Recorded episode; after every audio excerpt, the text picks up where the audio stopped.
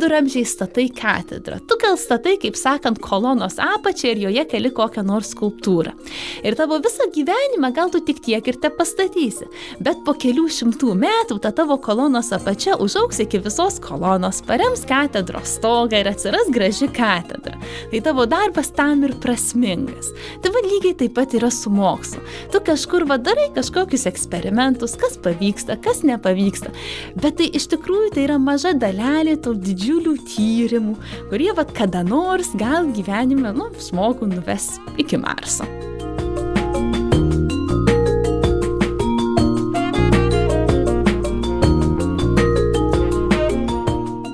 Eglė Čekanavičiūtė turi svajonę. Ji nori išskristi į kosmosą.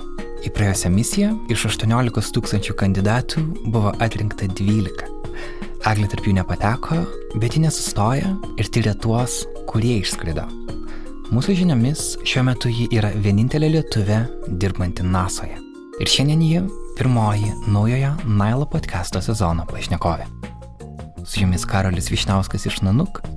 Mes grįžtame po dviejų mėnesių pertraukos ir toliau kas savaitę bandysime suprasti modernų pasaulį. Ačiū, kad esate kartu.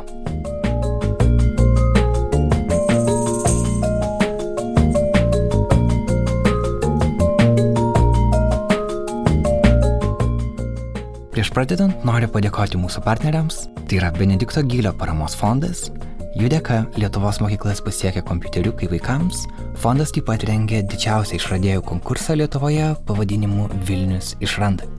Ir kaip prieš podcastą įrašą perdavė žinia pats Benediktas, šiuo metu jie dirba prie, cituoju, vieno fantastinio projekto. Kai sužinosime daugiau, būtinai pasidalinsime, o kol kas ačiū Benediktui ir jo kolegoms už tai, kad tiki naujo žurnalistikos idėją Lietuvoje. Taip pat prie Nailo podcast'o grįžo mūsų pirmieji partneriai - naujienlaiškių kūrimo programa MailerLite.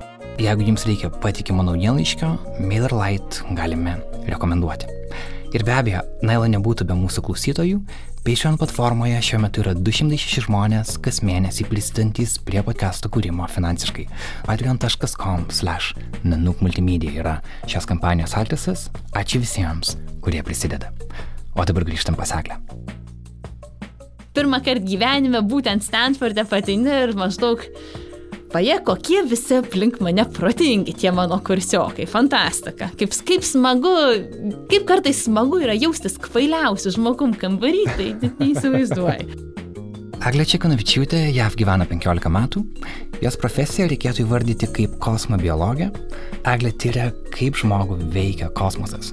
Interviu išsamei aptarėme, kaip veikia NASA, didžiausia pasaulyje kosmoso tyrimo organizacija. Perėm ir prie Lietuvos politikos klausimų. Aš Amerikos pilietybę turiu, dar tik metai. Lietuvos, žinoma, nebeturiu, nes kai kas neduoda dvigubos pilietybės. Čia rimtai. Čia yra, vat, vien, tu esi vienas. Labas rytas. Vienas tų Nu, atvejų, tai- kai mes tiesiog prarandame žmogų. Nu, man- Prarandam vienintelę NASA mokslininkę Nu, lietuvę. tai labas rytas, reikia, reikia, reikia leisti dvigubą.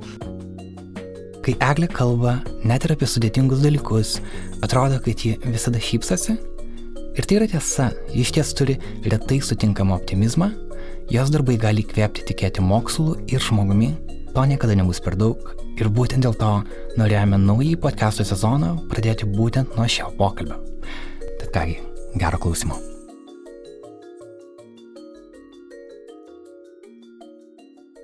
O, užsidegė. Tai va. Gerai, pradedam. Gerai, tai Agle, ačiū tau, kad e, esi čia studijoje Vilniuje, nes yra visai jokinga istorija, kad mes su kolega skridome į San Franciską, tikėdamiesi, kad tave sutiksime ten, o tu tuo metu išvykai iš San Francisco ir dabar štai mes esam čia Vilniuje, Mašvido bibliotekoje, pirmą kartą čia esi ir mes galim pasikalbėti apie kosmosą ir apie NASA. Ačiū tau, kad skiritam laiko.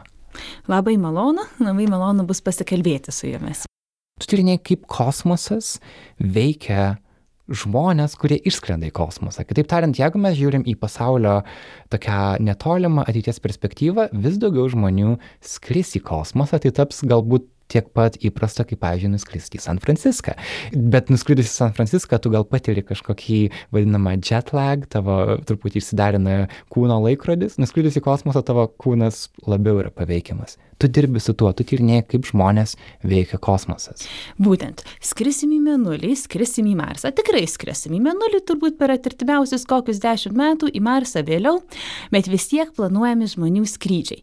Reiškia, ką reikia išsiaiškinti, nu kaip padaryti, kad tas tas astronautas nuskristų sėkmingai į Menulį, jame gal dar kažkiek pabūtų, po to grįžtų į Žemę ir būtų pakankamai normalios sveikatos. Kas ten veikia? Nesvarumo būklė veikia, aišku, žmogų, visiems kaulam ir raumenim sunku, nes mūsų, nu, kaip mes evoliucionavom, išsivystėm gyventi Žemėje, kur yra Žemės trauka, o kai jos nėra, prasideda įvairios problemos, pavyzdžiui, kaulų retėjimas. Tai tą reikia sustabdyti.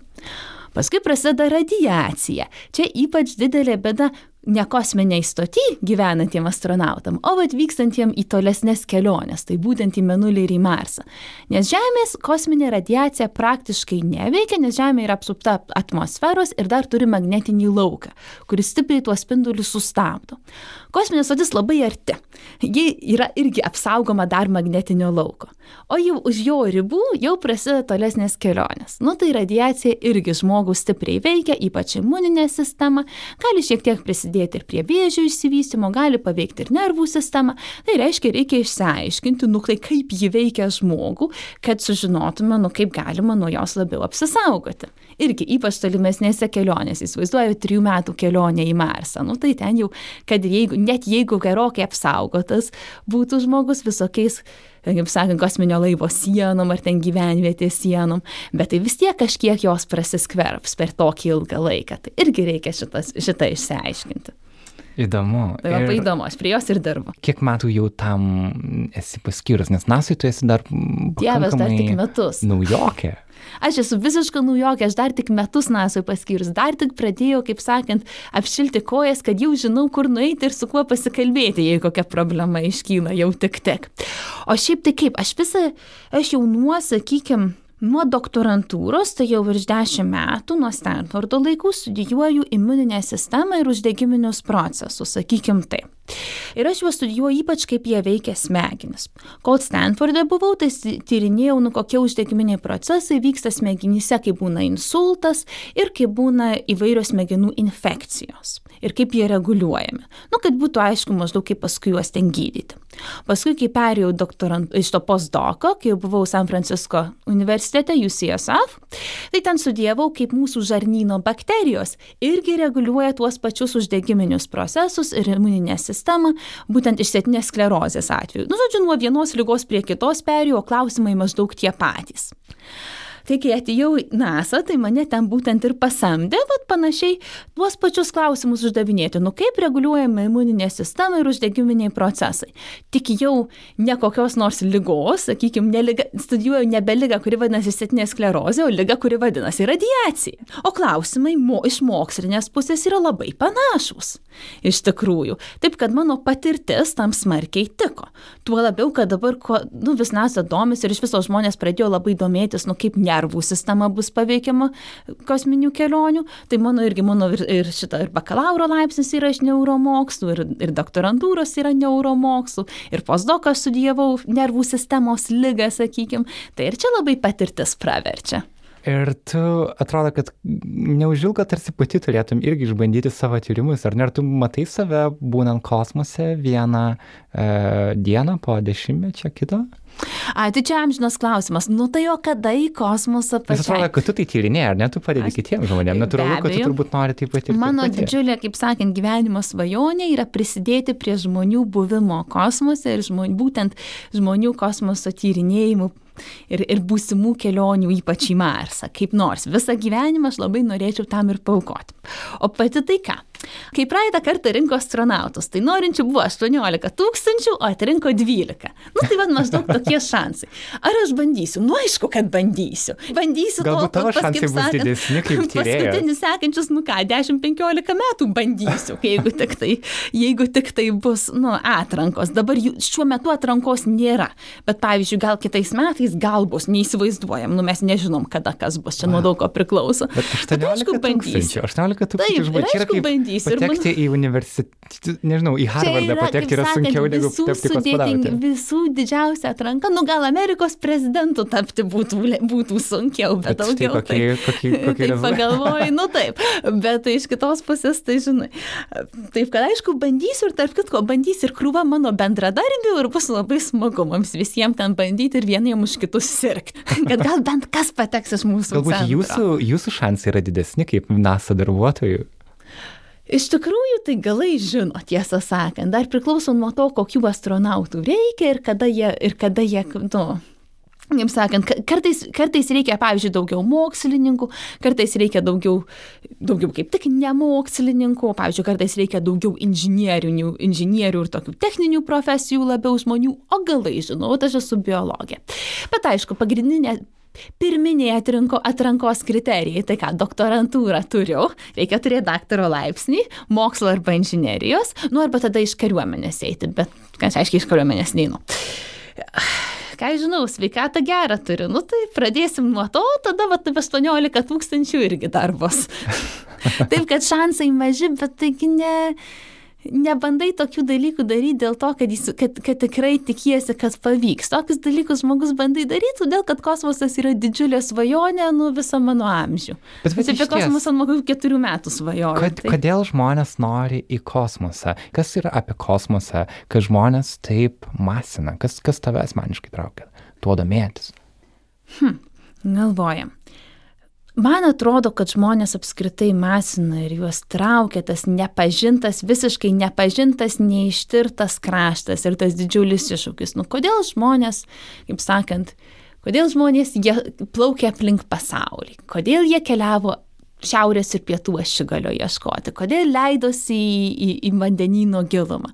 Nu, todėl ir skrendame į menulį ir ieškom vat kažko dar tokio visiškai nepažinaus, nematyto pasaulio, kuris dar priedo, nu, didžiulis iššūkis ir jį atrasti, ir jame kažkaip gyventi, ir apskritai išgyventi į jį skrendant. Tiesiog, man atrodo, žmonės, nu, labai masina tas noras sužinoti ir ištirti. Ir suprantama, ne visus masina, bet iš kitos pusės tai nu kaip. Fantastika apie kosmosą visada populiari būna. Kaip sakant, pati NASA irgi populiari tarp žmonių yra. Kažkas yra tokio, kad gal nebūtinai pats norėtum skristi, bet visada yra įdomu sužinoti vat, apie daugiau nei žmonija, daugiau nei žemė, vad kažką tokio platesnio visatoje. Ir tas begalinis žinių troškimas ir, kaip sakant, žingeidumas, bet tai labiau, mažiausiai atrastas rytis dabar. Kosmobiologija iš viso, nu nežinom mes, kaip kas ką veikia dar, tai baisiai įdomu sužinoti. Kaip manai, kada kelionės į kosmosą taps tikrai įprastų dalykų žmonėms? Jeigu grįžtant istoriją šiek tiek atgal, pavyzdžiui, kelionė į, per Atlanto vandenyną, kelionė mhm. į JAV, kadaise irgi atrodė kosminių dalykų praktiškai, mhm. ar ne? Yra tavo pačios citata iš vieno iš interviu, kad pavyzdžiui, kai tu norėjai studijuoti JAV, tavo uh, mama sakė, kad turbūt realiau yra nuskristi į kosmosą, negu tau studijuoti JAV, ne dėl to, kad, na, tiesiog, kad tuo metu tai atrodė per, gyvenant Lietuvoje tai atrodė kažkas iš fantastikos šlities, bet štai dabar tu ne tik, kad studijavai JAV, ne tik, kad tu baigiai Harvardą ir Stanfordą, dirbi NASA, kas irgi buvo tavo vaikystės svajonė kadaise. Visą tai pildosi štai kelių dešimtmečių bėgi. Tai galbūt man įdomu, kai tu matai ateitį ir, tarkim, kelionės į kosmosą, kada tai taps tokiu visai įprastu dalyku, kad vos ne kelionio agentūros galės pradėti siūlyti tai, tai daryti. Nežinau, paklauskite Lono Masko, jis pasakys, kad gal ir visai greitai, o manęs paklausus, aš kaip sakant, asmeniškai paspėliosiu. Ir mano supratimu negreit, dar ir dėl to, kad, na kaip, kelionės, pavyzdžiui, kelionės lėktuvu kur nors, nors ir labai ilgai skristum, vis dėlto kažkokios ypatingos sveikatos ar fizinio pasiruošimo nereikalauja. Nu, visokios perkrovos ir nesvarumai šiaip jau reikalauja. Bet to iš kitos pusės aš nemanau, kad visi žmonės labai norėtų skristi į tą mėnulį pakankamai ilgai arba į Marsą net labai ilgai ir jame kažko ieškoti, kai ten, kaip sakant, tuščia. Ten mokslininkai tai skristų su džiaugsmu ir visą ką aukodami. O vat kokie nors turistai, tai čia labai, labai, labai dar nebent tolimoj ateityje, kai jau gyvenimo kokybė ten bus geresnė. Nu, vat, kai jau gal Marsas bus terraformuotas ir jau bus atmosfera ir jau bus kažkoks, bent kažkoks gyvenimas, nes, nu kaip, skristi šitiek laiko, kad paskui galėtum ten, kaip sakant, pavaikščioti su skafandru ir parankioti Marso uolienų, tai man atrodo fantastiška ir nu, nuostabiausias dalykas gyvenime, bet daugumai žmonių visgi turbūt taip netrodytų.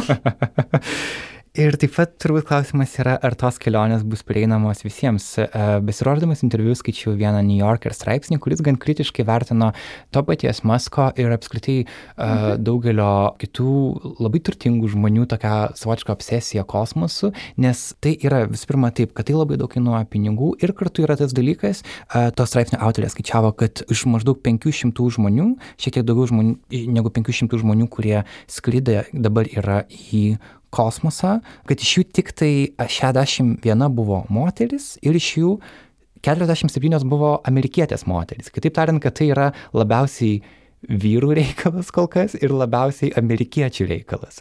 Kaip tau atrodo, ar tai yra problema, gal tai tiesiog startinė pozicija, nu, kad kažkas turi pradėti? Ar kelionės į kosmosą nėra tik mažos, mažos, mažos dalelės žmonių tokia privilegija? Taip, dabar mastam. Pirmiausia, tai reikia prisiminti, nu, istoriškai, kokios šalys galėjo vystyti kosminę programą taip, kad iš jų kas nors, nu, apskritai galėtų išskristi, nu, išvystyti iki to lygio, kad jau galėtų skraidinti žmonės.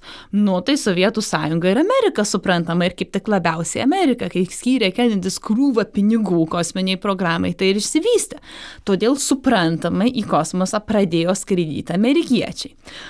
O kasgi dar, nu jiegi neims kažkodėl iš kokios nors kitos šalies žmonių ir ims juos skraidinti. Nu tai kokia šalis vysto programą, tie žmonės ir skris. Toliau iki šiol pinigų tam skiria, nu, labai nedaug šalių. Europa kažkiek skiria bendrai susidėjus, todėl yra kažkiek ir europiečių astronautų, irgi vis vėlesnių. Dabar kaip žmonės atrinkinėjo? Pradžioje žmonės atrinkinėjo labai, kaip sakant, pilotus karinius. Todėl, kad ten tuos laivus dar, gerok, dar, dar kažkiek ir pilotavimo ir įgūdžių reikėjo ir apskritai, nu, kas atrodė žmonėm arčiausiai, sakykime, taip, to kosminių tyrimų. Nu tai tuo metu ypač daugiausiai būtent jie buvo vyrai amerikiečiai. Todėl į kosmosą sėkmingai skraidė vyrai, po to jau pradėjo skraidinti ir moteris. Dabar, pavyzdžiui, paskutinė, paskutinės atrankos 12 žmonių, per pusę vyrų ir moterų. Ir įvairių etninių grupių žmonės, labai įvairių. Taip, kad dabar, kaip sakant, situacija tokia, kad jau aišku, kad visai nereikia skraidinti karinio laivyno pilotų, skraidinami įvairūs žmonės, nors skraidina įvairūs žmonės, nes suprantama, tam gabumų turi. Kol kas, aišku, skrenda tų žmonių mažai, nes, nu kaip, nu irgi, viską tai labai labai daug kainuoja. Tai kiek, kiek jis gali paruošti, tiek ir ruošia, kaip sakant. Būtų daugiau, nu, tai gal jis galėtų daugiau ruoštų daugiau, o dabar, nu, kiek tų astronautų ir yra Amerikoje, o kitos šalis, tai, kaip sakant, dar nei tiek neišgali. O dėl visų šitų komercinių, tai kaip? Jeigu jų nebūtų, tai būtų viena NASA. O viena NASA, nu kaip žinoma, gali skrydžių išgali, bet ne tiek daug, kiek va dabar su SpaceX'u. SpaceX'as, vat mano pavyzdžiui, aš prie eksperimentų, aš eksperimentui padėjau, mano mėginius nuskraidino ir parskraidino paskui. Taip, kad aš labai džiaugiuosi, kad jis toks yra ir gali, vat mano eksperimentą skraidinti į stotį ir po to jis gali sugrįžti. Garas. Jeigu jo visai nebūtų, tai žinoma skrydžiai vyktų, bet jeigu visai nieko panašaus nebūtų, nu bet jų vyktų mažiau. Nu, nes tiesiog, kuo daugiau žmonių bando skristi, nu, tuo daugiau skrydžių vyksta, tuo daugiau eksperimentų galim pasiūsti. Tiesiog dabar Nu ir ką jau padarysi, kad jie visi bilionieriai, kaip sakant, milijardieriai, tai yra to, kaip sakant, kurie juos skraidino, nu, o kas dar išgalėtų va, tokius, va tokiais skrydžiais užsimti. Bet tai gerai, kad bent kažkas užsima. Ja, turbūt galima. Tai čia yra mano tokia nuomonė. Galima žiūrėti iš tos pusės, kad gerai, kad jie savo turtą investuoja į nu. kažkokią pasaulio žmonijos tarsi ateitį užuot tiesiog, nežinau, nusipirkai daug nu, jachtų. būtent, o kitai būtent galėtų, pavyzdžiui, pirkti salas saurijose gyventi, nu, bet tai gerai, kad bent kažką daro kosmoso programai. Ir kuo daugiau, mano supratimu, kuo daugiau daro, kuo labiau atsiranda bent kokia konkurencija, nu, skatina vystytis. Tuo geresnės raketos bus, tuo daugiau tyrimų bus. Kalbant apskritai apie pačią NASA kaip organizaciją, grįžtant prie pačių pačių jos ištakų, jinai buvo sukurta tuo metu, kai vyko šaltasis karas, kai buvo sovietų ir amerikiečių kova dėl kas, kas tarsi laimės tas kosmoso lenktynės, bet dabar, žinoma, dabar yra situacija visiškai kita. Man buvo įdomu sužinoti, kad žmonės iš NASA nori nebūtinai to, kad būtų kuo daugiau kosmoso tyrimų, bet tai yra organizacija, kuriai labai svarbu ir pačios Žemės tyrimai. Buvo daryta uh, Bloomberg apklausa, kurioje, pažiūrėjau, 43 procentai didžiausia dalis žmonių atsakė, kad jų manimo NASOS prioritetas pagrindinis turėtų būti tyrinėti Žemę vardant klimato kaitos prevencijos, kaip galime matyti, taip, kaip, taip. kaip keičiasi Žemė. Ir tai, kad, pavyzdžiui, siūsti kosmonautus, astronautus, bet čia yra skirtumas, ar ne? Astronautas yra Amerikoje, o kosmonautas yra rusas. Jokio tai va, skirtumo. Tai kad, skirti, ast, kad skraidinti astronautus į kosmosą, anot bent jau tos apklausos dalyvių, tai neturėtų būti NASA's prioritetas. NASA prioritetas turėtų būti žiūrėti, kad Žemė per daug, na, kad klimato kaita būtų kiek įmanoma kontroliuojama. Kaip tu žiūri tai? Ar tai nėra pernelyg mažai ambicingas tikslas? Kita vertus, gal tai yra pats ambicingiausias tikslas. Ką turėtų NASA daryti?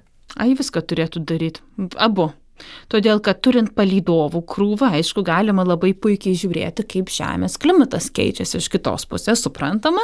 NASA yra labai, NASA, kaip sakant, visiškai nesiruošia tuo apsiriboti, mano supratimu, nes, nu, toliau sėkmingai skraidina ir žmonės į kosmosą ir užsima kosminiais tyrimais. Dar be abejo užsima ir, pavyzdžiui, astronominiais tyrimais, na, sakykime, planetų aplink kitas žvaigždės žiūrėjimu ir skaičiavimu ir tyrinėjimu. Taip kad NASA užsima viskuo.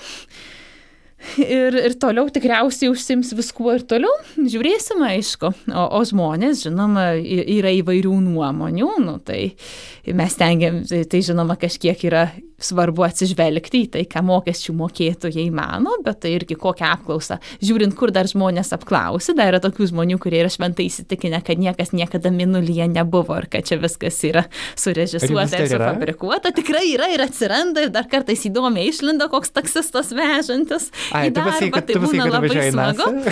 tai būna labai smagu sužinoti tokią nuomonę, bet, nu, žinoma, įvairių žmonių įvairių nuomonių yra. Taip, aš nelabai turiu nuomonės tuo klausimu. Mano supratimu reikia užsimti viskuo, kiek aš įsivaizduoju, tai ir užsimam viskuo. o dabar perėdim prie tokio žemiškesnio NASA aspekto, tai yra, vad paminėjai savo važiavimą į darbą, gal nuo to, gali apie tai daugiau iš ties papasako, tavo darbas yra ne pačiam San Franciske, ar ne, jis mhm. yra greta, uh, kartu greta yra ir Silicon Valley, ar ne? Aha, mano Kaip darbas tai yra, yra Silicijos slėnyje, yra Mount, prie Mountain View, aš važinėjau virš valandos traukiniu ir dviračiu. Ir, nu, būtent dirbu pačioj NASAI, man ten labai patiko. Ten yra labai, kaip sakant, nuostabi sistema dirbti, ta prasme, kad labai palyginus nedaug hierarchijos ir visi labai nuoširdžiai domisi savo darbu. Kaip retai, kuriam universitete netgi, kad taip visi tikrai yra pasinešę ir ant darbo, ir ant kosmoso tyrimų, ir ant tiesiog matosi, kad žmonėms svarbu tai, ką jie daro ir kad jiem taip labai įdomu ir juos įkvepia tai, ką jie daro. Tai tada ir ilgos valandos pasidaro trumpesnės ir, ir, ir kaip sakant, kai yra gera komanda, tai galima, atrodo, ir kalnus nuversti. Kai sakai, kai, dirbi pačioje jau, pačioje NASOje, tai yra organizacija turinti daug savo padalinių, ar tai, kur dirbi, tu galima laikyti kaip ir centru visų, ar tai būtų neteisinga? A, tai pirmiausia yra taip, aš, aš dirbu NASA Ames centre. Jis yra vienas iš daugelio NASA centrų. Pavyzdžiui, jeigu kas žino, kad kalbasi, su kuo, su kuo astronautai kalbasi iš orbitos, dažniausiai kalbasi su NASA Johnson centru. Jis yra Teksase, Houstone. Kokie dar yra, pavyzdžiui, iš kur kyla raketos? Iš kanaveralio iškišulio. Tai yra NASA's Kennedy centras, jis yra Floridoje. Nu ir tų centrų dar yra dar visai daug iš tikrųjų. Taip, kad jie šiek tiek specializuojasi, mūsiškis centras labiau specializuojasi biologijoje, būtent mokslo tyrimuose, o ne, pavyzdžiui, žmonių siuntimu arba raketų statymu, nes, nu, kažkas ir šitais turi užsiimti, bet aišku, yra įvairių žmonių. Ir dar yra tas aspektas, kad aš esu NASOS kontraktoriai, aš, aš, man, aš, aš dirbu organizacijai, kuri vadinasi Universitetinė kosmoso tyrimų asociacija, University Space Research Association, ir vad ji ji būtent mane nu kaip, aš ją esu atsakinga, o dirbu NASAI ir dirbu NASOS nu, laboratorijoje. Dauguma žmonių, bent jau mūsų centre, nusakyčiau, keturi penktadaliai būtent šitaip ir dirba, kaip kontraktoriai per kažkokią kitokią organizaciją, bet, nu, būtent NASAI skirti.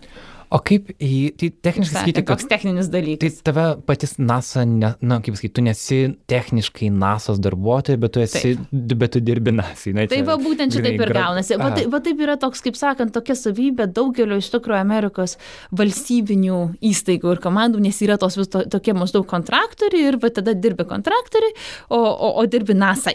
maždaug šitaip.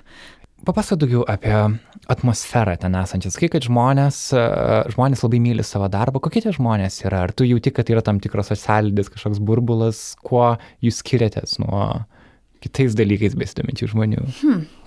Sunku pasakyti, na, kas man labiausiai patinka dirbant, tai kad žmonės visgi labai draugiški, geranoriški, labai labai daug bendradarbiavimo. Visi maišosi per projektus ir dirba su vis kitais žmonėms, vis kitam projektui padėdami labai tiesiog yra ir tokio asmeninio daug šilto bendravimo, nu, kad ir, pavyzdžiui, kokį nors ten švenčia žmonių gimtadienį ar dar ką. Yra tas, kad labai mažai hierarchijos, kad gali sėdėti prie didelio eksperimento šalia, kaip sakant, visos laboratorijos vadovė ir kokia nors visiškai ką tik priimta studenčiokė ir kartu, nu, sakykime, preparuoti peles visą dieną. Va šitaip. Kai mes dirbom su iš kosmoso atskridusiais tyrimais, tai jie atskrido ir reikėjo skubiai juos, nu, kaip sakant, sutvarkyti. Ir sėdėjom 40 valandų visa komanda, o visos komandos vadovė pirkinėjo mums picas ir, kaip sakant, lakstė aplinkui ir rūpinosi tais visiškai, sakyčiau, pačiais purviniausiais darbais, nes, nu, mes sėdėjom prie mikroskopų visą tą laiką ir buvo baisiai smagu ir net pavark nebuvo kada, nes, nu, buvo tiesiog visiems toks džiaugsmas, kad gyvat gavom su šitais mėginiais padirbėti. Bet irgi taip jautiesi žmogus, kai dirbi dideliai komandai, nu, net būtinai dideliai, kai dirbi komandai, kuriai svarbu, tavo, svarbu visų darbas ir kuri gerai gerai sutarė. Ir man labai tas didelį įspūdį padarė, nes aišku, laboratorijose, laboratorijos universitetuose būna šiek tiek atskiresnės, sakykime, šitaip ir šiek tiek jos daugiau hierarchijos, o čia vad nelabai yra. Gal dėl to, kad, nu, nesvarbu, ką mes kada atrastume, visgi bus taip, kad NASOS mokslininkai atrado o ne savo vardą čia garsinti ar dar ką. Mes dirbame iš idėjos ir idėjai, o ne savo, paties, savo pačių vardui, kas yra labai gerai mokslai. Mhm. Truputį tavo kaip mokslininkės ego gal tai sumažina, bet... Kaip e, pačios ego orga... sumažina, bet užtat... Uh, Man labai patinka, aš perskaičiau palyginimą knygų, jis ne mano. Yra kaip katedros statyba. Kai tu viduramžiai statai katedrą, tu gal statai, kaip sakant, kolonos apačią ir joje keli kokią nors skulptūrą. Ir tavo visą gyvenimą gal tu tik tiek ir te pastatysi. Bet po kelių šimtų metų ta tavo kolonos apačia užauks iki visos kolonos, parems katedros stogą ir atsiras graži katedra. Tai tavo darbas tam ir prasmingas. Tai vad lygiai taip pat yra su mokslu. Tu kažkur vadarai kažkokius eksperimentus, kas pavyksta, kas nepavyksta. Bet tai iš tikrųjų tai yra maža dalelė tų didžiulių tyrimų, kurie vad kada nors gal gyvenime, nu, žmogų nuves iki Marso. Ir mokslo tie tyrimai ir vyksta daugiausia komandiškai. Gal mes turim tą viziją, kad štai yra kažkoks vienas genijus, ten yra Albertas Einšteinas, ar ne, ir štai jis išsprendė kažką. Ir taip, tokių genijų tikrai būta mokslo istorijoje, bet turbūt daugiausia mokslo atradimų įvyksta, kai daug mokslininkų, kurių mes vardų nežinom, susivienyje ir kažką kartu nuveikia. Mano giliu įsitikimą, tai ypač dabar ir ypač, sakykime, gamtos moksluose, nes aš nelabai žinau, kaip, kaip, nu, kaip kiti mokslai, gal taip labai nešnekėčiau, bet vat, gamtos moksluose, ypač biologija, tai yra komandinis darbas, reikia tų daug žmonių. Ir netgi kartais būna, kad pavyzdžiui, čia vat vienas šitas žmogus, bet iš tikrųjų tai tas žmogus gal turi visą laboratoriją ir joje dirba ir studentai, ir postdokai, ir šiaip darbuotojai. Ir jie tiesiog visi kartu iš tikrųjų tuos atradimus daro, o ne vienas žmogus. Tiesiog tada tam žmogui gal, nu, kaip, kaip vadovui, kaip tam, kuris idėją sugalvoja, kaip ir pelnytai, bet tai daugiausiai garbės būna ir jį vieną ar ją vieną ir įsimena, o ne visos kitos dirbančios, suprantama, nes, nu taip jau jau, taip jau viskas vyksta. O iš tikrųjų tai mokslas yra būtent komandinis darbas, kur vienas žmogus, nu, vienas iš kitų, vieni žmonės iš kitų kažkokias idėjas pasiima, tada naujų minčių kyla, tada nauji eksperimentai būna, tai kažkas pavyksta, kažkas nepavyksta, kartais iš to, kad nepavyksta, kažkam dar naujų minčių kyla ir panašiai. Ar tiesa, kad jūs ir mokslinės, mokslinės fantastikos filmus žiūrite kartu? Pavyzdžiui, kad ėjote į Marsietį kaip NASA's komanda. Aš nejau, bet čia man žmonės pasakojo. Jo, žodžiu, buvo visa, visa, visa, visa krūva žmonių galėjo, ei, galėjo kartu eiti į Marsietį ir sakyti, a čia taip padarė, a čia neteisingai padarė, a čia atspėjo, kaip va, taip, ir, taip, ir, taip ir vyksta mokslas. Iš tikrųjų labai neblogas filmas, nes Aš parodo galėjau, būtent komandinį yra, darbą. Ir kad Marsietis yra gan tiksliai, kad mokslis jisai gan taip, teisingas. Pavyzdžiui, yra scena, nepaprastai kuris, gerai mokslo. Kuris parodo. augina bulves Marse, kad tai techniškai lyg ir būtų įmanoma galbūt? Iš tikrųjų, tai ne, tarp kitko. Todėl, kad, todėl, kad jisai pasima Marso dirbožėmą. Marso dirbožėmė yra pilna perchloratų, tai yra tokių klaikių druskų, kurios, nu, visas bulves tu jau pat išnuodytų. Taip, kad reikia ne Marso dirbožėmį ten jas trešti, o vandenį auginta. Koks galas, nežinau iš tikrųjų, kur nežinau, aš tos botanikos, tuo labiau kosminės, nu, bet Marso dirbožėmį jas neauktų. Bet matytis labai gerai ką parodė, tą komandinį mokslininkų darbą iš tikrųjų. Buvo gražu žiūrėti. Ir jis net nebūtinai nasai, nu, nasai specifinis, jis apskritai yra specifinis, nu, vat, nu, va taip mokslas ir vyksta, bent jau ten, kur aš gyvenime juo užsiminėjau. Ir kalbant apie NASA ir lietuvius, aš prisiminiau vieną vaikiną iš Vilniaus, kurio galbūt tu irgi esi susipažinęs, jo vardas yra Mikalojus Bražiūnas esu su juo daręs anksčiau interviu ir jis turėjo tikslą išskraidinti į menulį lietuvišką augalą ir pažiūrėti, mhm. ar ten jis gali, na, lietuvišką augalą, bet kad jų lietuvių komanda išsaug, mhm. išskraidintų augalą, kuris galbūt, na, kaip eksperimentus pažiūrėti, ar jis galėtų ten išaukti. Uh, tai nėra kaip marsiečio bulvių auginimas, bet viskas kažkas tą pusę pažiūrėti, ar gali augalai aukti kosmose. Ir tada čia yra klausimas konkrečiai ne apie šitą projektą, bet apskritai apie galbūt daugiau lietuvių, kuriuos tu galbūt sutikai savo darbe ir ar jų yra. Nes Mikolaus atveju jisai atliko tokią mhm. stažuotę mhm. NASOje, paskui grįžo į Vilnių, bet toliau palaiko ryšius su organizacija. Ar daugiau tokių žmonių kaip tu iš Lietuvos NASOje ar apskritai kosmoso tyrimuose tu sutikai? Esu sutikusi studentų, kurie stažuotę atlikinėjo. Mm. Būtent buvo ir šeši jų kažkaip, na, gal daugiau, bet va būtent, kad, at, kad atvyko, nu, kuriam laikui, maždaug, sakykime, nu, semestrui, ten trimis, kažkur apie dešimt savaičių, visada tokių studentų būna, iš viso pasaulio jų atvyksta į stažuotės ir būtent su Lietuva yra kažkokia sutartis ir aš tikrai nebesugaudau, nes va tie sėkmingai, va, sėkmingai pasistažavo įvairiose laboratorijose, po to išvyko, nu tikėkime, kada ryšius palaiko, nes, nu gerai žinoma, palaikyti. Daugiau kaip ir nesu susidūrusi. Nu, aš pati, kadangi aš pati labai, nu, jau 15 metų Amerikoje gyvenu ir aš vis labai nedaug su lietuviais susiduriu, taip kad man su viškai sudėtinga atsakinėti kažką tokio. Neįsivaizduoju, ar kur nors dar kokiam kitam padalinį yra lietuvių, gal ir yra, bet aš tikrai nežinau, žinok. Bet turbūt dirbant tokia tarptautinė organizacija kaip NASA, tai, kad tu esi lietuvė, tai nebetiek jau yra ir svarbu, ar ne? Turbūt žmonėm tai Svarbu, ką tu darai ir ką tu tyrinėjai, ką tu išmanai. Ar tas tavo kažkaip kilmės klausimas kažkaip suveikia, ar žmonėm yra įdomu galbūt sužinoti, nes jeigu tu esi vienintelė čia atvykus, o gal tai niekam tiesiog nerūpi. Aš sakau, žmonėm aišku kažkiek įdomu, na, iš kur ta mano pavardė tokia, iš kur mano akcentas, kurią su, suprantama sunku ištarti. Tai be abejo, visa, visada turint šitą pavardę ir šitą akcentą, kurį nu vis tiek dauguma suaugusių žmonių, kurie ne Amerikoje gimė ir augę turės, nu, tai tada galima aišku šitą pasakyti, iš kur aš. Tai šitas žmonėm tikrai kažkiek įdomu. Iš kitos pusės jau tų užsieniečių, jau rusienyje gimusių nasų yra pilna. Ir dar yra tas, kad, nu kaip, aš Lietuvoje jau seniai nebegyvenu.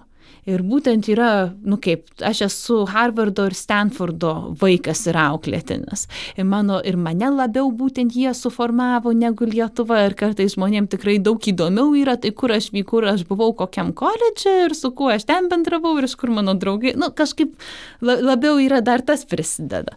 Reiškia, pradžioj, kai aš tik atvykau į Harvardą, tai gal buvau labiau, kad va čia iš, iš Lietuvos užsienietė atvykusi. O aš dabar esu praėjusi, kaip sakant, tą labai gerų universitetų mokyklą ir aš labiau esu, nu, kaip ir jų grupiai priskiriama mm. vos ne šitaip. Taip, negi nesakyti, kad tu nesi lietuvė, nesi amerikietė, bet esi harvardietė. Na, tai kartais tikrai tas išlenda, o šiaip tai daugiau, tai, va, nu ką, aš Amerikos pilietybę turiu, dar tik metai. Lietuvos, žinoma, nebeturiu, nes kai kas neduoda dvigubos pilietybės. Čia rimtai, čia yra, va, vien, tu esi vienas. Labas rytas. Vienas tų nu, atvejų, tai... kai mes tiesiog prarandame žmogų. No, man... Prarandam vienintelę nas mokslininką lietuvę. Nu, tai, labas rytas, reikia, reikia, reikia leisti dvigubą. Maždaug. O jeigu neleidžia to, ką man. Aš 15 metų gyvenu šaly ir mokesčius moku ir iš jos krūva pinigų baisiausių, nu taigi aš, aš kaip sakant, už studijas gyvenime nemokėjau, man jas apmokėjo, taip kad aš ją esu va, taip širdimi įsiskolinus už tai, kad mane per visas studijas apmokėjo visokias krūvas stipendijų. Taip, krūvas stipendijų esu gavus visą kitą, tai stengiuosi dabar ir visokius vis studentus ar ką nors šiaip prie kokio mokslo populiarimo vis prisidėti, va, tai kažkaip stengiuosi. Tai taip, nu, gyvenu Amerikoje ir, ir, ir visą kitą būtų labai keista neturėti pilietybės.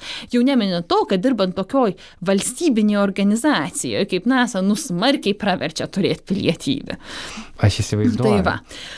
Ir tiesiog, aišku, taip kad Ir tas ir yra, ir aš aišku, kilmės iš Lietuvos ir aš suprantama to visiškai neslepiu ir jeigu manęs kas nors paklausė, aš mielai atsakau ir mielai papasakoju, bet, nu, dabar aš esu tokia, kaip sakant, maišytų kultūrų.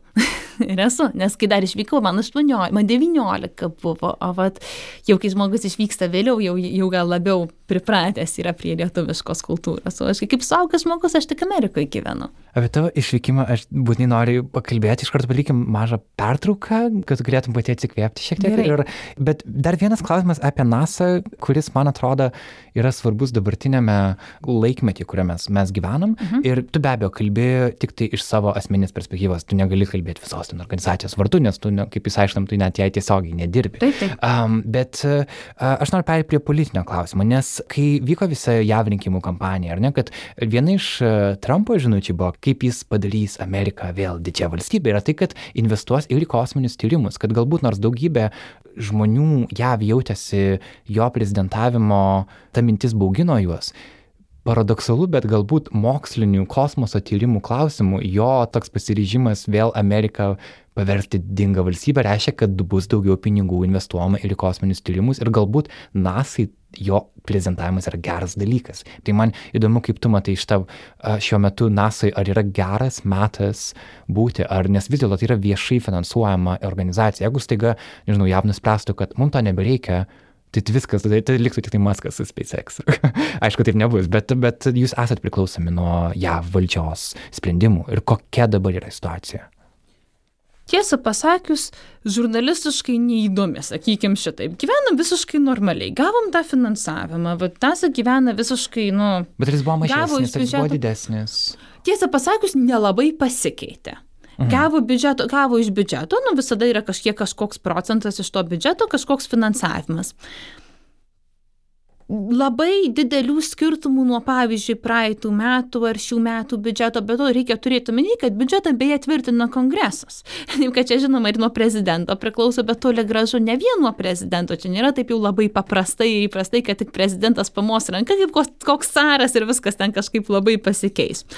O kol kas tai nasoj didžiulių pokyčių tiesiog nu kaip ir nėra. Viskas toliau vystosi maždaug. Yra tie didieji planai skristi į marsą. Nu tai tie didieji planai jau jau jau jau daug metų yra, nu ir jie toliau yra vystomi. Kosminė stotis toliau yra sėkmingai vystoma ir eksploatuojama, viskas, nu, toliau kaip ir vyksta. Taip kad iš tikrųjų nieko tokio labai sukrečiančių ar labai didelių pokyčių tiesiog nebuvo. Nu, kurį laiką nebuvo administratorius. Nu, bet tai buvo užtektinai tų, valdžio, tų, tų žmonių administracijų, kad be pagrindinio administratoriaus išgyveno tuos metus be didesnio vargo. Mato atsirado ir naujas pagrindinis administratorius, kuris kol kas visiškai normaliai atrodo. Taip, kad čia tiesiog, kaip sakant, sakau, čia labai, labai nesensacingai gyvenam, tiesą pasakius. Gal... Panašiai kaip prieš tai, panašiai kaip po to. Ir atrodo, kad NASA išsilaiko, nesvarbu, kas būtų prezidentu. Gal tai yra gerai iš ties.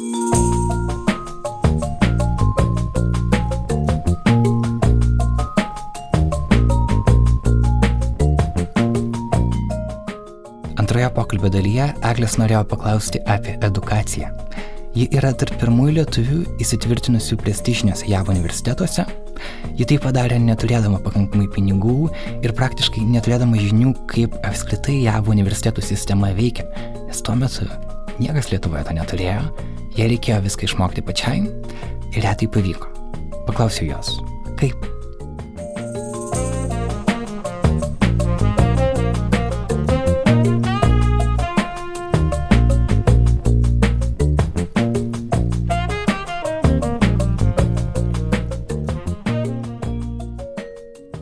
Egle, kuriais metais tu išvykai studijuoti į Harvardą? Prieš 15 metų ir beveik lygiai 2003. Tai dar buvo prieš Lietuvos įstojimą į Europos Sąjungą, tai buvo prieš tą tokią pakankamai masišką dabar vykstančią bangą, kai, kai Lietuvos moksleiviai mato užsienio studijas kaip visiškai natūralų savo kažkokį ateities kelią. Tarsi jie bent jau Europos universitetus, jie tikrai mato kaip labai artimus. JAV universitetai galbūt dar yra tolimesni, bet irgi labai pasiekiami, nes jau yra tinklai, yra daug lietuvių ten gyvenančių ir panašiai. 2003 metais buvo truputį kitaip. Tau tai buvo iššūkis. Papasakok, kaip tu baigusi Vilnius licėjų atsidūrėjai Harvardė. 2003 metais. Taip, tai buvo tais gudžiais laikais, kai nieks dar į užsienį nestojo ir nieks nelabai žinojo, kaip tai apskritai daroma. Tai va, aš licėjui besimokydama, kokioj dešimtoj klasiai išgirdau iš kažkokio, lankėsi ar buvus licėjistė, kuri buvo e, šitam jungtiniam pasaulio koledže baigė mokyklą ir po to išvyko į Ameriką studijuoti. Ir man, kaip sakant, atsirado didžiulė svajonė studijuoti Amerikoje, žinoma, gamtos mokslus, nes aš jau nu, tokios pakraipos mokiausi ir licėjų klasiai, pageidautina neuromokslus, kurių Lietuvoje tuo metu apskritai nebuvo kaip specialybė specialybės. Tai dabar jie yra su visiškai puikiais neuromokslininkais ir neuromokslininkėm, o va tais laikais tai dar labai nebuvo, sakykim, šitaip. Tai va, tai aš Pirmiausia, išėjau į tarptautinio bakalaureato klasę, kuri yra fantastinis pasiruošimas, tarp kitko labai gera programa, viskas angliškai ir labai aukštų lygio mus ten laužė ir buvo labai gerai, buvo labai smagu. O paskui, nu, nusprendžiau, nu, kaip dabar stoti į Ameriką. O kaip stoti? Sėdi internete ir bandai išsiaiškinti. Aha, čia reikia kažkokių rekomendacinių laiškų, kurie tais laikais buvo maždaug, kas čia per keistenybę iš mokytojų. Čia reikia kažkokį esė rašyti apie save, maždaug motivacinį prašinį. Čia reikia dar visokio galo krūvos dokumentų. Viskas, aišku, yra angliškai, nu, šiek tiek specifinė kalba, nu, bet jau jau galima tą įkirsti. Ir bandom. Ir aišku, aš pinigų neturiu net apmokėti, nu, stojimo mokesčiai. Tai ką?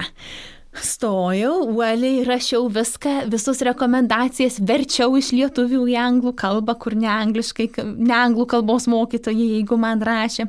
Parašiau atseit oficialią formą, kurią daviau pasirašyti licėjaus direktoriui, kad dėl sunkios finansinės padėties aš negalėsiu apmokėti net stojimo mokesčių, nes nu ten šimtas dolerių vienam universitetui tais laikais buvo daug.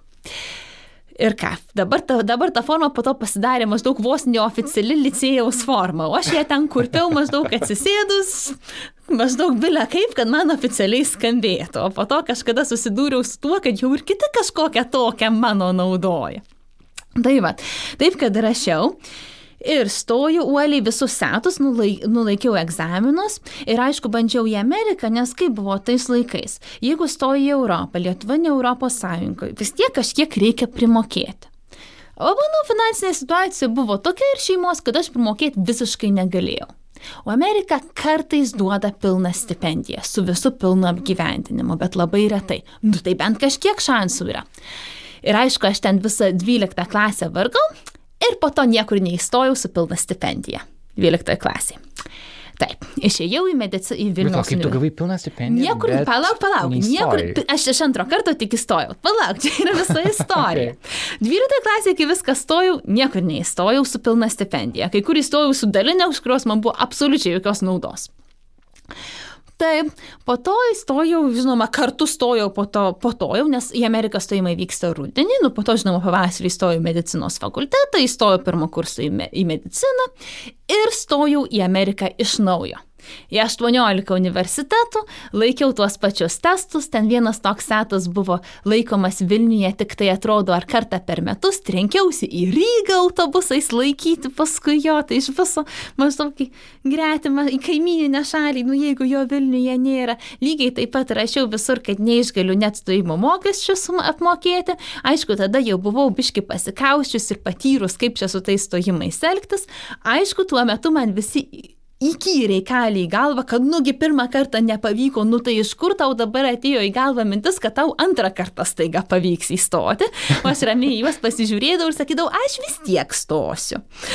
tai va, ir įstojau, tada į, nu, į bent kelis universitetus su pilna stipendija, įskaitant į Harvardą. Jau žinojau stoti į pačius geriausius, nes jie lengviausiai duoda tarptautiniams nu, neamerikiečiams studentams pilnas stipendijas. Ir išvykau 2003 turbūt savo balais tikrai būtum lengvai stojusi bet kurį Lietuvos. Tai aš įstojau į, į VU mediciną ir dar visus metus atsimokiau kuo puikiausiai. Bet tuo tu... metu, kai jau stu perstojinėjau kitur.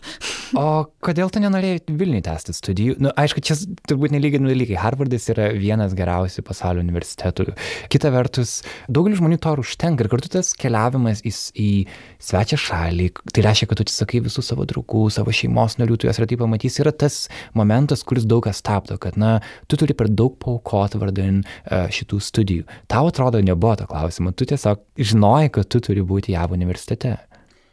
Aš labai norėjau, labai norėjau neuromokslų, labai norėjau tos laisvųjų menų sistemos, kai tuo pačiu, kai man nereikia labai specializuotis nuo pat pradžių, kai galima, pavyzdžiui, laisvai išmokti ispaniškai, kai galima pasirinkti visokių nu, geriausių specialistų pasaulyje dėstumą kursą, pavyzdžiui, apie Pietų Amerikos archeologiją ir panašiai. Neminint, žinoma, specialybinių dalykų, neminint darbo laboratorijoje nuo pirmo kurso.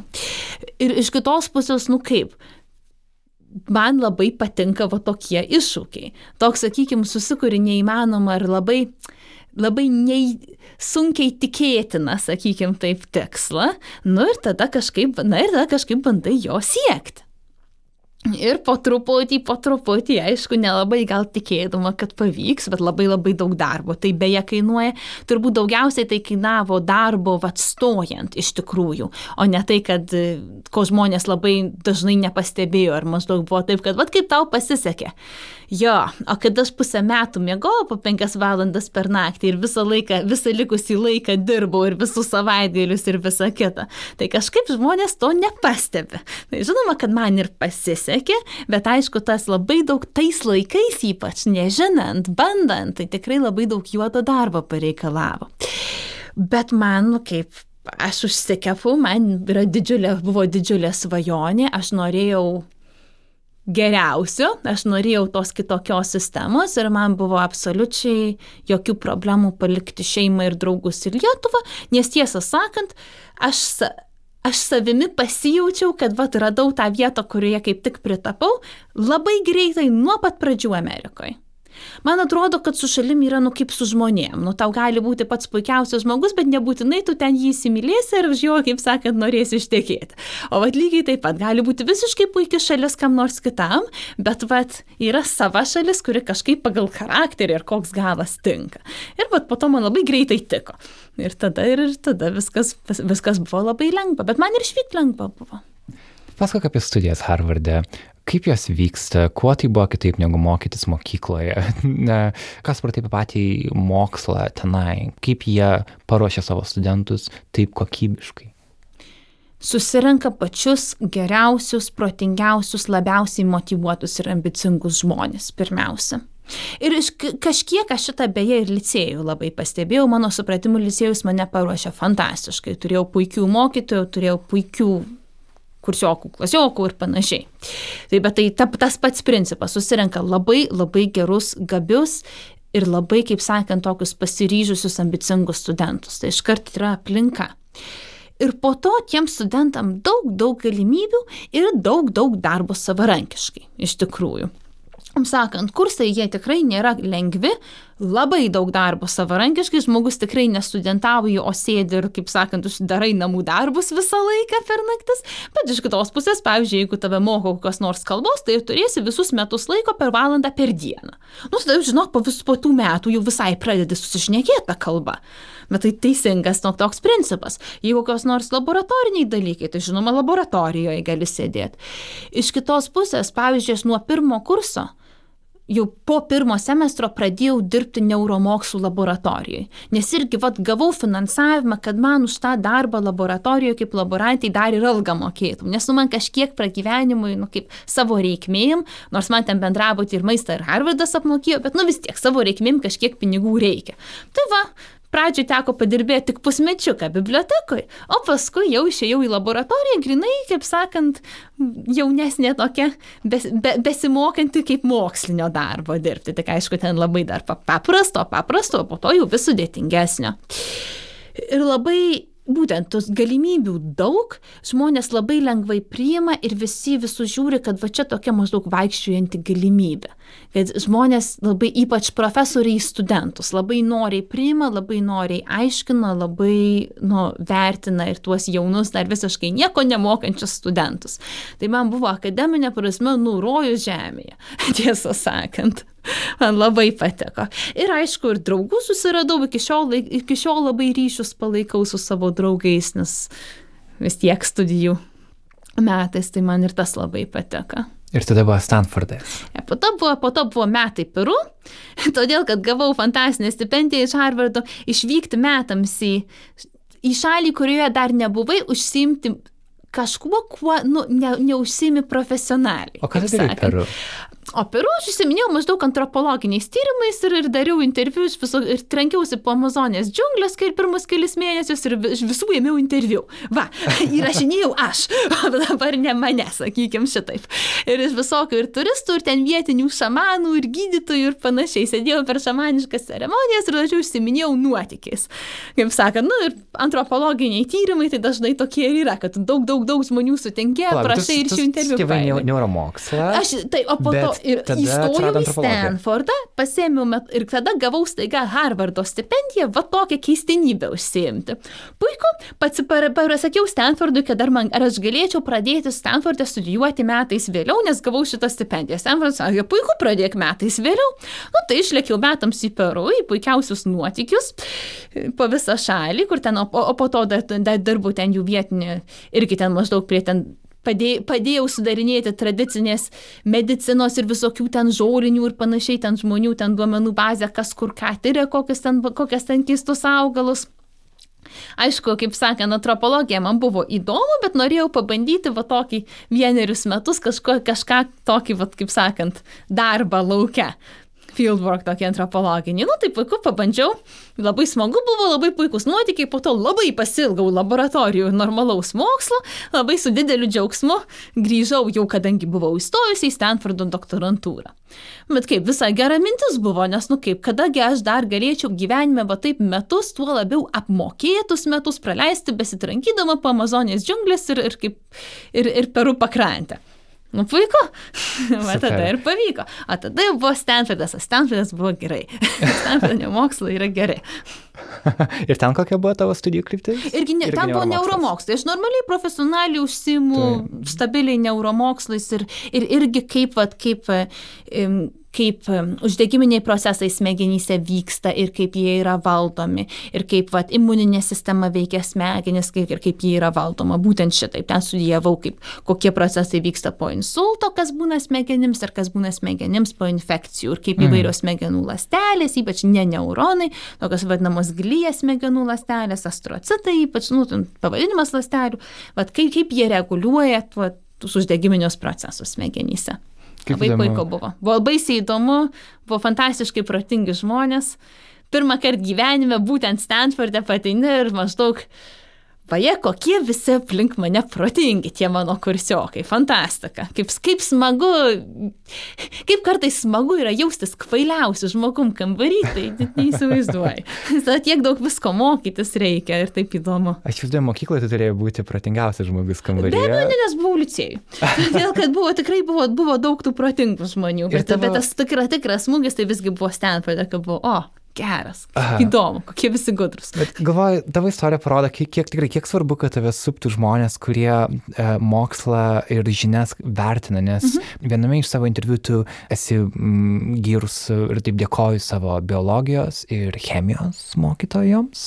Biologijai. Tai labiausiai dėkoju biologijai Alydai Daulenskinį, nes ji man įkvėpė meilę mokslui ir meilę eksperimentams. Aha. Nes ji man netgi Nes aš buvau pasirinkus, dar kaip bakalaureatė, buvau vienintelė pasirinkus aukštesnio lygio biologiją ir ji kantriai man tą aukštesnio lygio biologiją papildomas dvi valandas per savaitę dėstydavo ir mes ir eksperimentus visokius darėm su visais biologais ir man kažkaip va tą tokią meilę, meilę mokslui ir nu moksliniam procesui, tai yra nu kaip vyksta mokslas. Ne tik, kad vaje čia koks puikus atradimas, o va, nu kaip kaip tas atradimas padaromas, nu kaip padaryti bandymą, kaip jį suplanuoti, kaip išsiaiškinti jo rezultatus, kaip nuspręsti, ką toliau darysi, nu, pamačius rezultatus.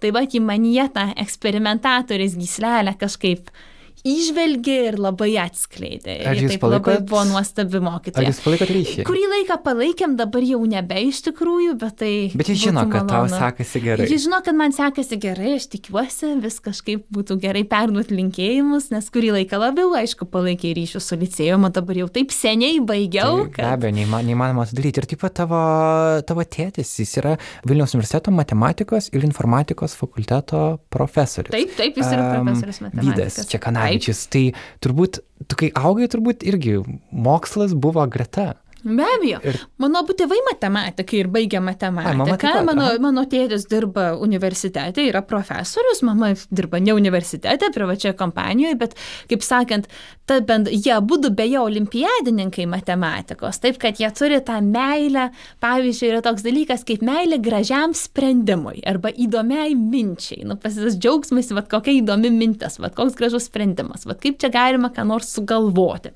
Ir man tas labai padėjo. Aišku, nes nu aš iš karto ir tas pats, kad sakykime, žingeidumo ugdymas, nu, kadangi, aišku, man tėtis labai tą įkvėpė, nu, tą norą, ką nors apskritai apie visą pasaulį iš visų sričių, ką nors sužinoti ir išmokti. Iš karto tokia buvo, nu, buvo labai daug, labai buvau skatinama nuo vaikystės. Taip kad be abejo, aš ir tėvam esu labai dėkinga už tai, kad va šitą įkvėpė. Ir dar man labai iš tikrųjų padėjo tai, kad kadangi mano abu tėvai matematikai, abu tėvai, pavyzdžiui, programuot moka, man niekada neatėjo, nebuvo atėjus nei į galvą tokia mintis, kad, pavyzdžiui, pavyzdžiui, moterys galėtų nemokėti matematikos ar kad turėtų būti sunku. Nu, taigi mano mama tuo užsima. Tai man taip nuo vaikystės mintis yra, kad mama ir matematika yra kažkaip kartu. tai va. Taip, kad ir iš tikrųjų tas labai, nu, į naudą žmogui. Čia Nes kai nei minties nėra, kad tu gali kažko nemokėti, nu tai mintis yra vienintelė, kad pasimokiusi išmoksi, nu tai tada ramiai ir eini per gyvenimą, tai pasimokai ir išmoksti. Prisiminiau savo mokyklos laikus, kad irgi olimpiadininkės geriausiai matematiką mokančios buvo klasiokės, o ne klasiokai. Tai galbūt Lietuvoje tikrai yra gera situacija su matematika išmanančiam moksleiviam, bet pavyzdžiui, e, jau būnant JAV ar tu jauti, kad e, moterų yra mažiau, kad tu jautis vienišesnė šituo klausimu, tuose pačiuose kosmoso tyrimuose, galbūt mhm. Harvardo ir Stanfordo studijose, o kaip kaip buvo? O čia įdomus klausimas, nes labai yra tas, kad Harvardė nesijaučiau, Stanfordė nesijaučiau, išėjau į postdoką, da, jau pradėjau matyti, kad va šitam San Francisco universitete jau tarp profesorių vis mažiau moterų.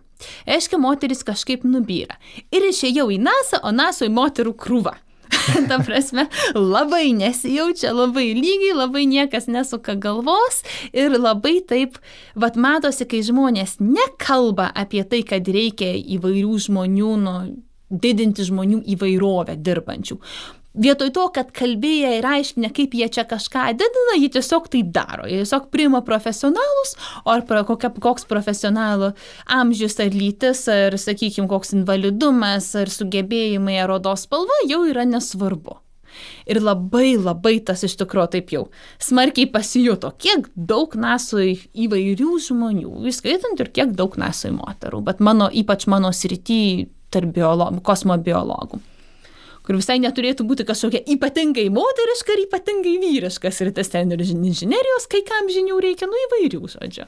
Mm, Gerai, girdėsi. Tai, tai paskutinis klausimas, tu taip pat pati užsiemi edukaciją, tu, um, bijau suklysti, ar tu dėstai universitete, ar tu rengi tokius kaip specialius kursus, kartais kalbas, nes tu nori populiarinti mokslą ir taip pat jį populiarinti tarp tų žmonių, kurie, kuriems tas mokslas nėra prieinamas. Kokia galbūt tu ir pati uh, buvai savo laiku, kai norėjai studijuoti Harvard'e, kai kad turėjai, tu negalėjai tiesiog imti ir finansuoti visų studijų, mhm. nes, na, natūralu gyvenant Lietuvoje, tiesiog ekonominiai skirtumai ir dabar jie yra, na, nesulyg, nesulyginami tiesiog. Tai um, tu stengiasi tiem žmonėm, kurie negali pajėgti gauti mokslą, kad tu jį kažkaip uh, priartinti prie jų. Bet aš žinau tik tokias užuominas apie tavo darbą, ar tu gali mm -hmm. patikslinti konkrečiau, ką tu darai. Gerai, tai aš papasakosiu, nes aš labai jau nuo pat, iš tikrųjų net ir Harvardė šiek tiek vaika, vaikus mokiau, o jau Stanfordė tai pradėjau labai rimtai užsimti būtent visuomenės mokymų, mokslinimų, švietimu ir stengiuosi kiek įmanoma.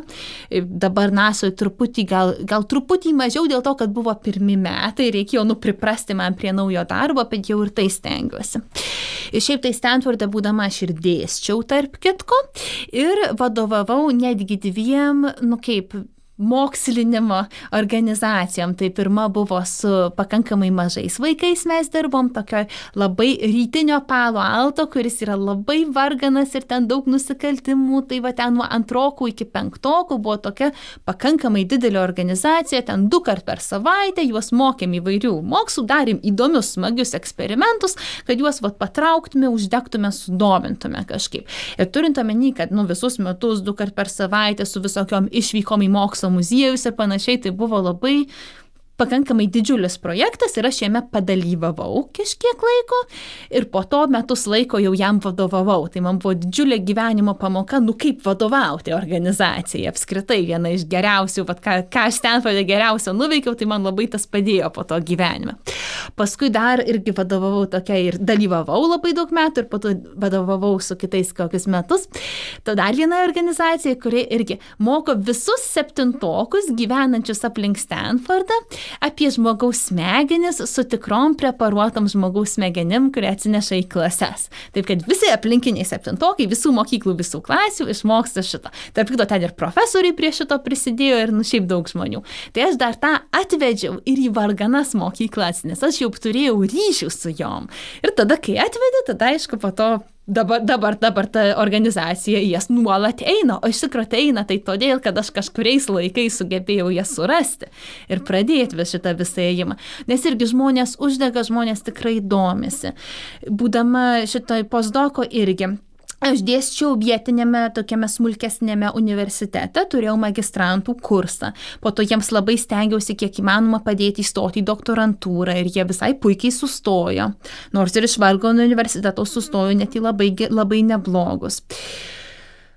Po to irgi dėsčiau, irgi mokiau vaikus kažkiek, dalyvauju įvairiose, nu kaip mokslo mugėse ir mokslo festivaliuose gan dažnai. Esu ir kalbą sakiusi per mokslo festivalius, kaip jau sakykime, kviestinė viešne. Va čia gruodžio mėnesį dar beje dar dvi nusimato, kaip tik jau dabar apie NASA pasakosiu irgi vienam, vienam festivalį ir kitam universitete, tokiam irgi vietiniam valstijos, kur jau, sakykime, gal mažiau turtingi žmonės susirenka irgi. Ir ir dažnai labai vis man atsiranda ką šefuoti. Ar kokie, nu, ypač stojančius į doktorantūrą jaunus mokslininkus, kažkaip jie ar mane susiranda, ar aš jiem kažkur kažką padėsiu, taip kad aš vis turiu tų savo tokių šefuojamų žmonių nu, ratą, kuris vis keičiasi. Ir žinoma, laboratorijoje dirbu su studentais irgi. Ir tuos studentus labai stengiuosi šefuoti ir labai stengiuosi dažnai priimti iš, nu, iš sakykime, varganesnių šeimų ir būtinai rūpinuosi, kad mes jiems mokėtume, kad jokių čia neapmokamų darbų nebūtų, nes kažkuriais laikais, tai vien dėl to aš galėjau dirbti Harvardo laboratorijoje, kad jie man mokėjo. Nu, man reikėjo kažkokio apmokamo darbo. Tai vad, kadangi tą suprato ir man taip apmokėjo, tai vad aš lygiai taip pat visada stengiuosi ir spaudžiu, kad visiems už darbą būtų mokama. Taip, Labai gerai, čia labai svarbi veikla. Visai la, labai stengiuosi, labai, nu, kaip sakant, čia yra labai svarbi mano gyvenimo dalis, yra bandymas va čia šitaip Nes mo- turbūt- mokslinti žmonės. Nes kitaip turbūt mes prarastumėm daug talentų. Ar ne, jeigu tų, tie žmonės neturės šanso kažkaip žengti tą pirmą žingsnį į mokslo pasaulį, tiesiog jie nueis kažkur kitur ir mokslo pasaulis juos praras. Lygiai taip, nu, tu pati, jeigu kažkas būtų ne, nesusiklosti tavo gyvenime, taip gal tu būtum darius, turbūt tu vis tiek būtum darius kažką. Aš vis tiek būčiau prasimušus, bet ne visi yra tokie nerealiai užsispyrę ir ambicingi žmonės. Bet vis tiek, manau, kad... Manau, kad nusisukus, bet būčiau patekus. Bet... NASAI ir apskritai JAV pasisekė tave, tave turėti ir aš tikiuosi, kad Lietuva su tavim taip pat nepraras ryšio. Ir tikrai tas pilietybės klausimas tai bus tema, kurią mums reikės kažkaip iškelti kažkuriame iš kitų epizodų, nes iš ties aš tuomet džiaugiuosi, kad šitas interviu kažkaip gal priartino tave tiksliau klausytojus, tai prie tavo veiklos ir prie tos pačios NASAS, nes tai yra tokia organizacija, kurios logotipą mes visi žinom, mes žinom daug istorijų, mes žinom daug filmų, bet a, man patiko, kai tu taip ją su, su žmoginai labai ir atrodo, jis turėjo labai gerą įspūdį. Manau, mhm. tikiuosi, nebūsi paskutinė lietuvė ten dirbusi. Ačiū, Aglė, labai. Ne? Labai ačiū. ir už tavo laiką ir geros kelionės to atgal į San Franciską. Ačiū, labai malonu buvo.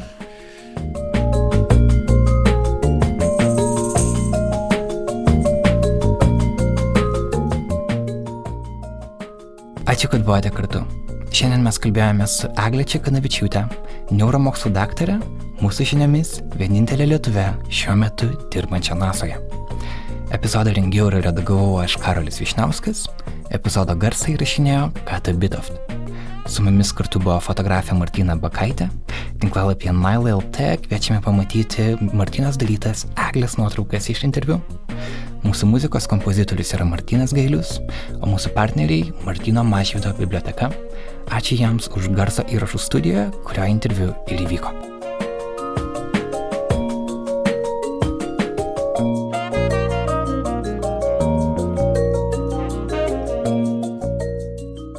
Kai prieš metus pradėjome podcastą, kalbėjome, kad jo nebūtų be klausytojų ir tai vis dar yra visiška tiesa. Ačiū Jums, kad likote kartu ir per vasarą, kada turėjome atostogas.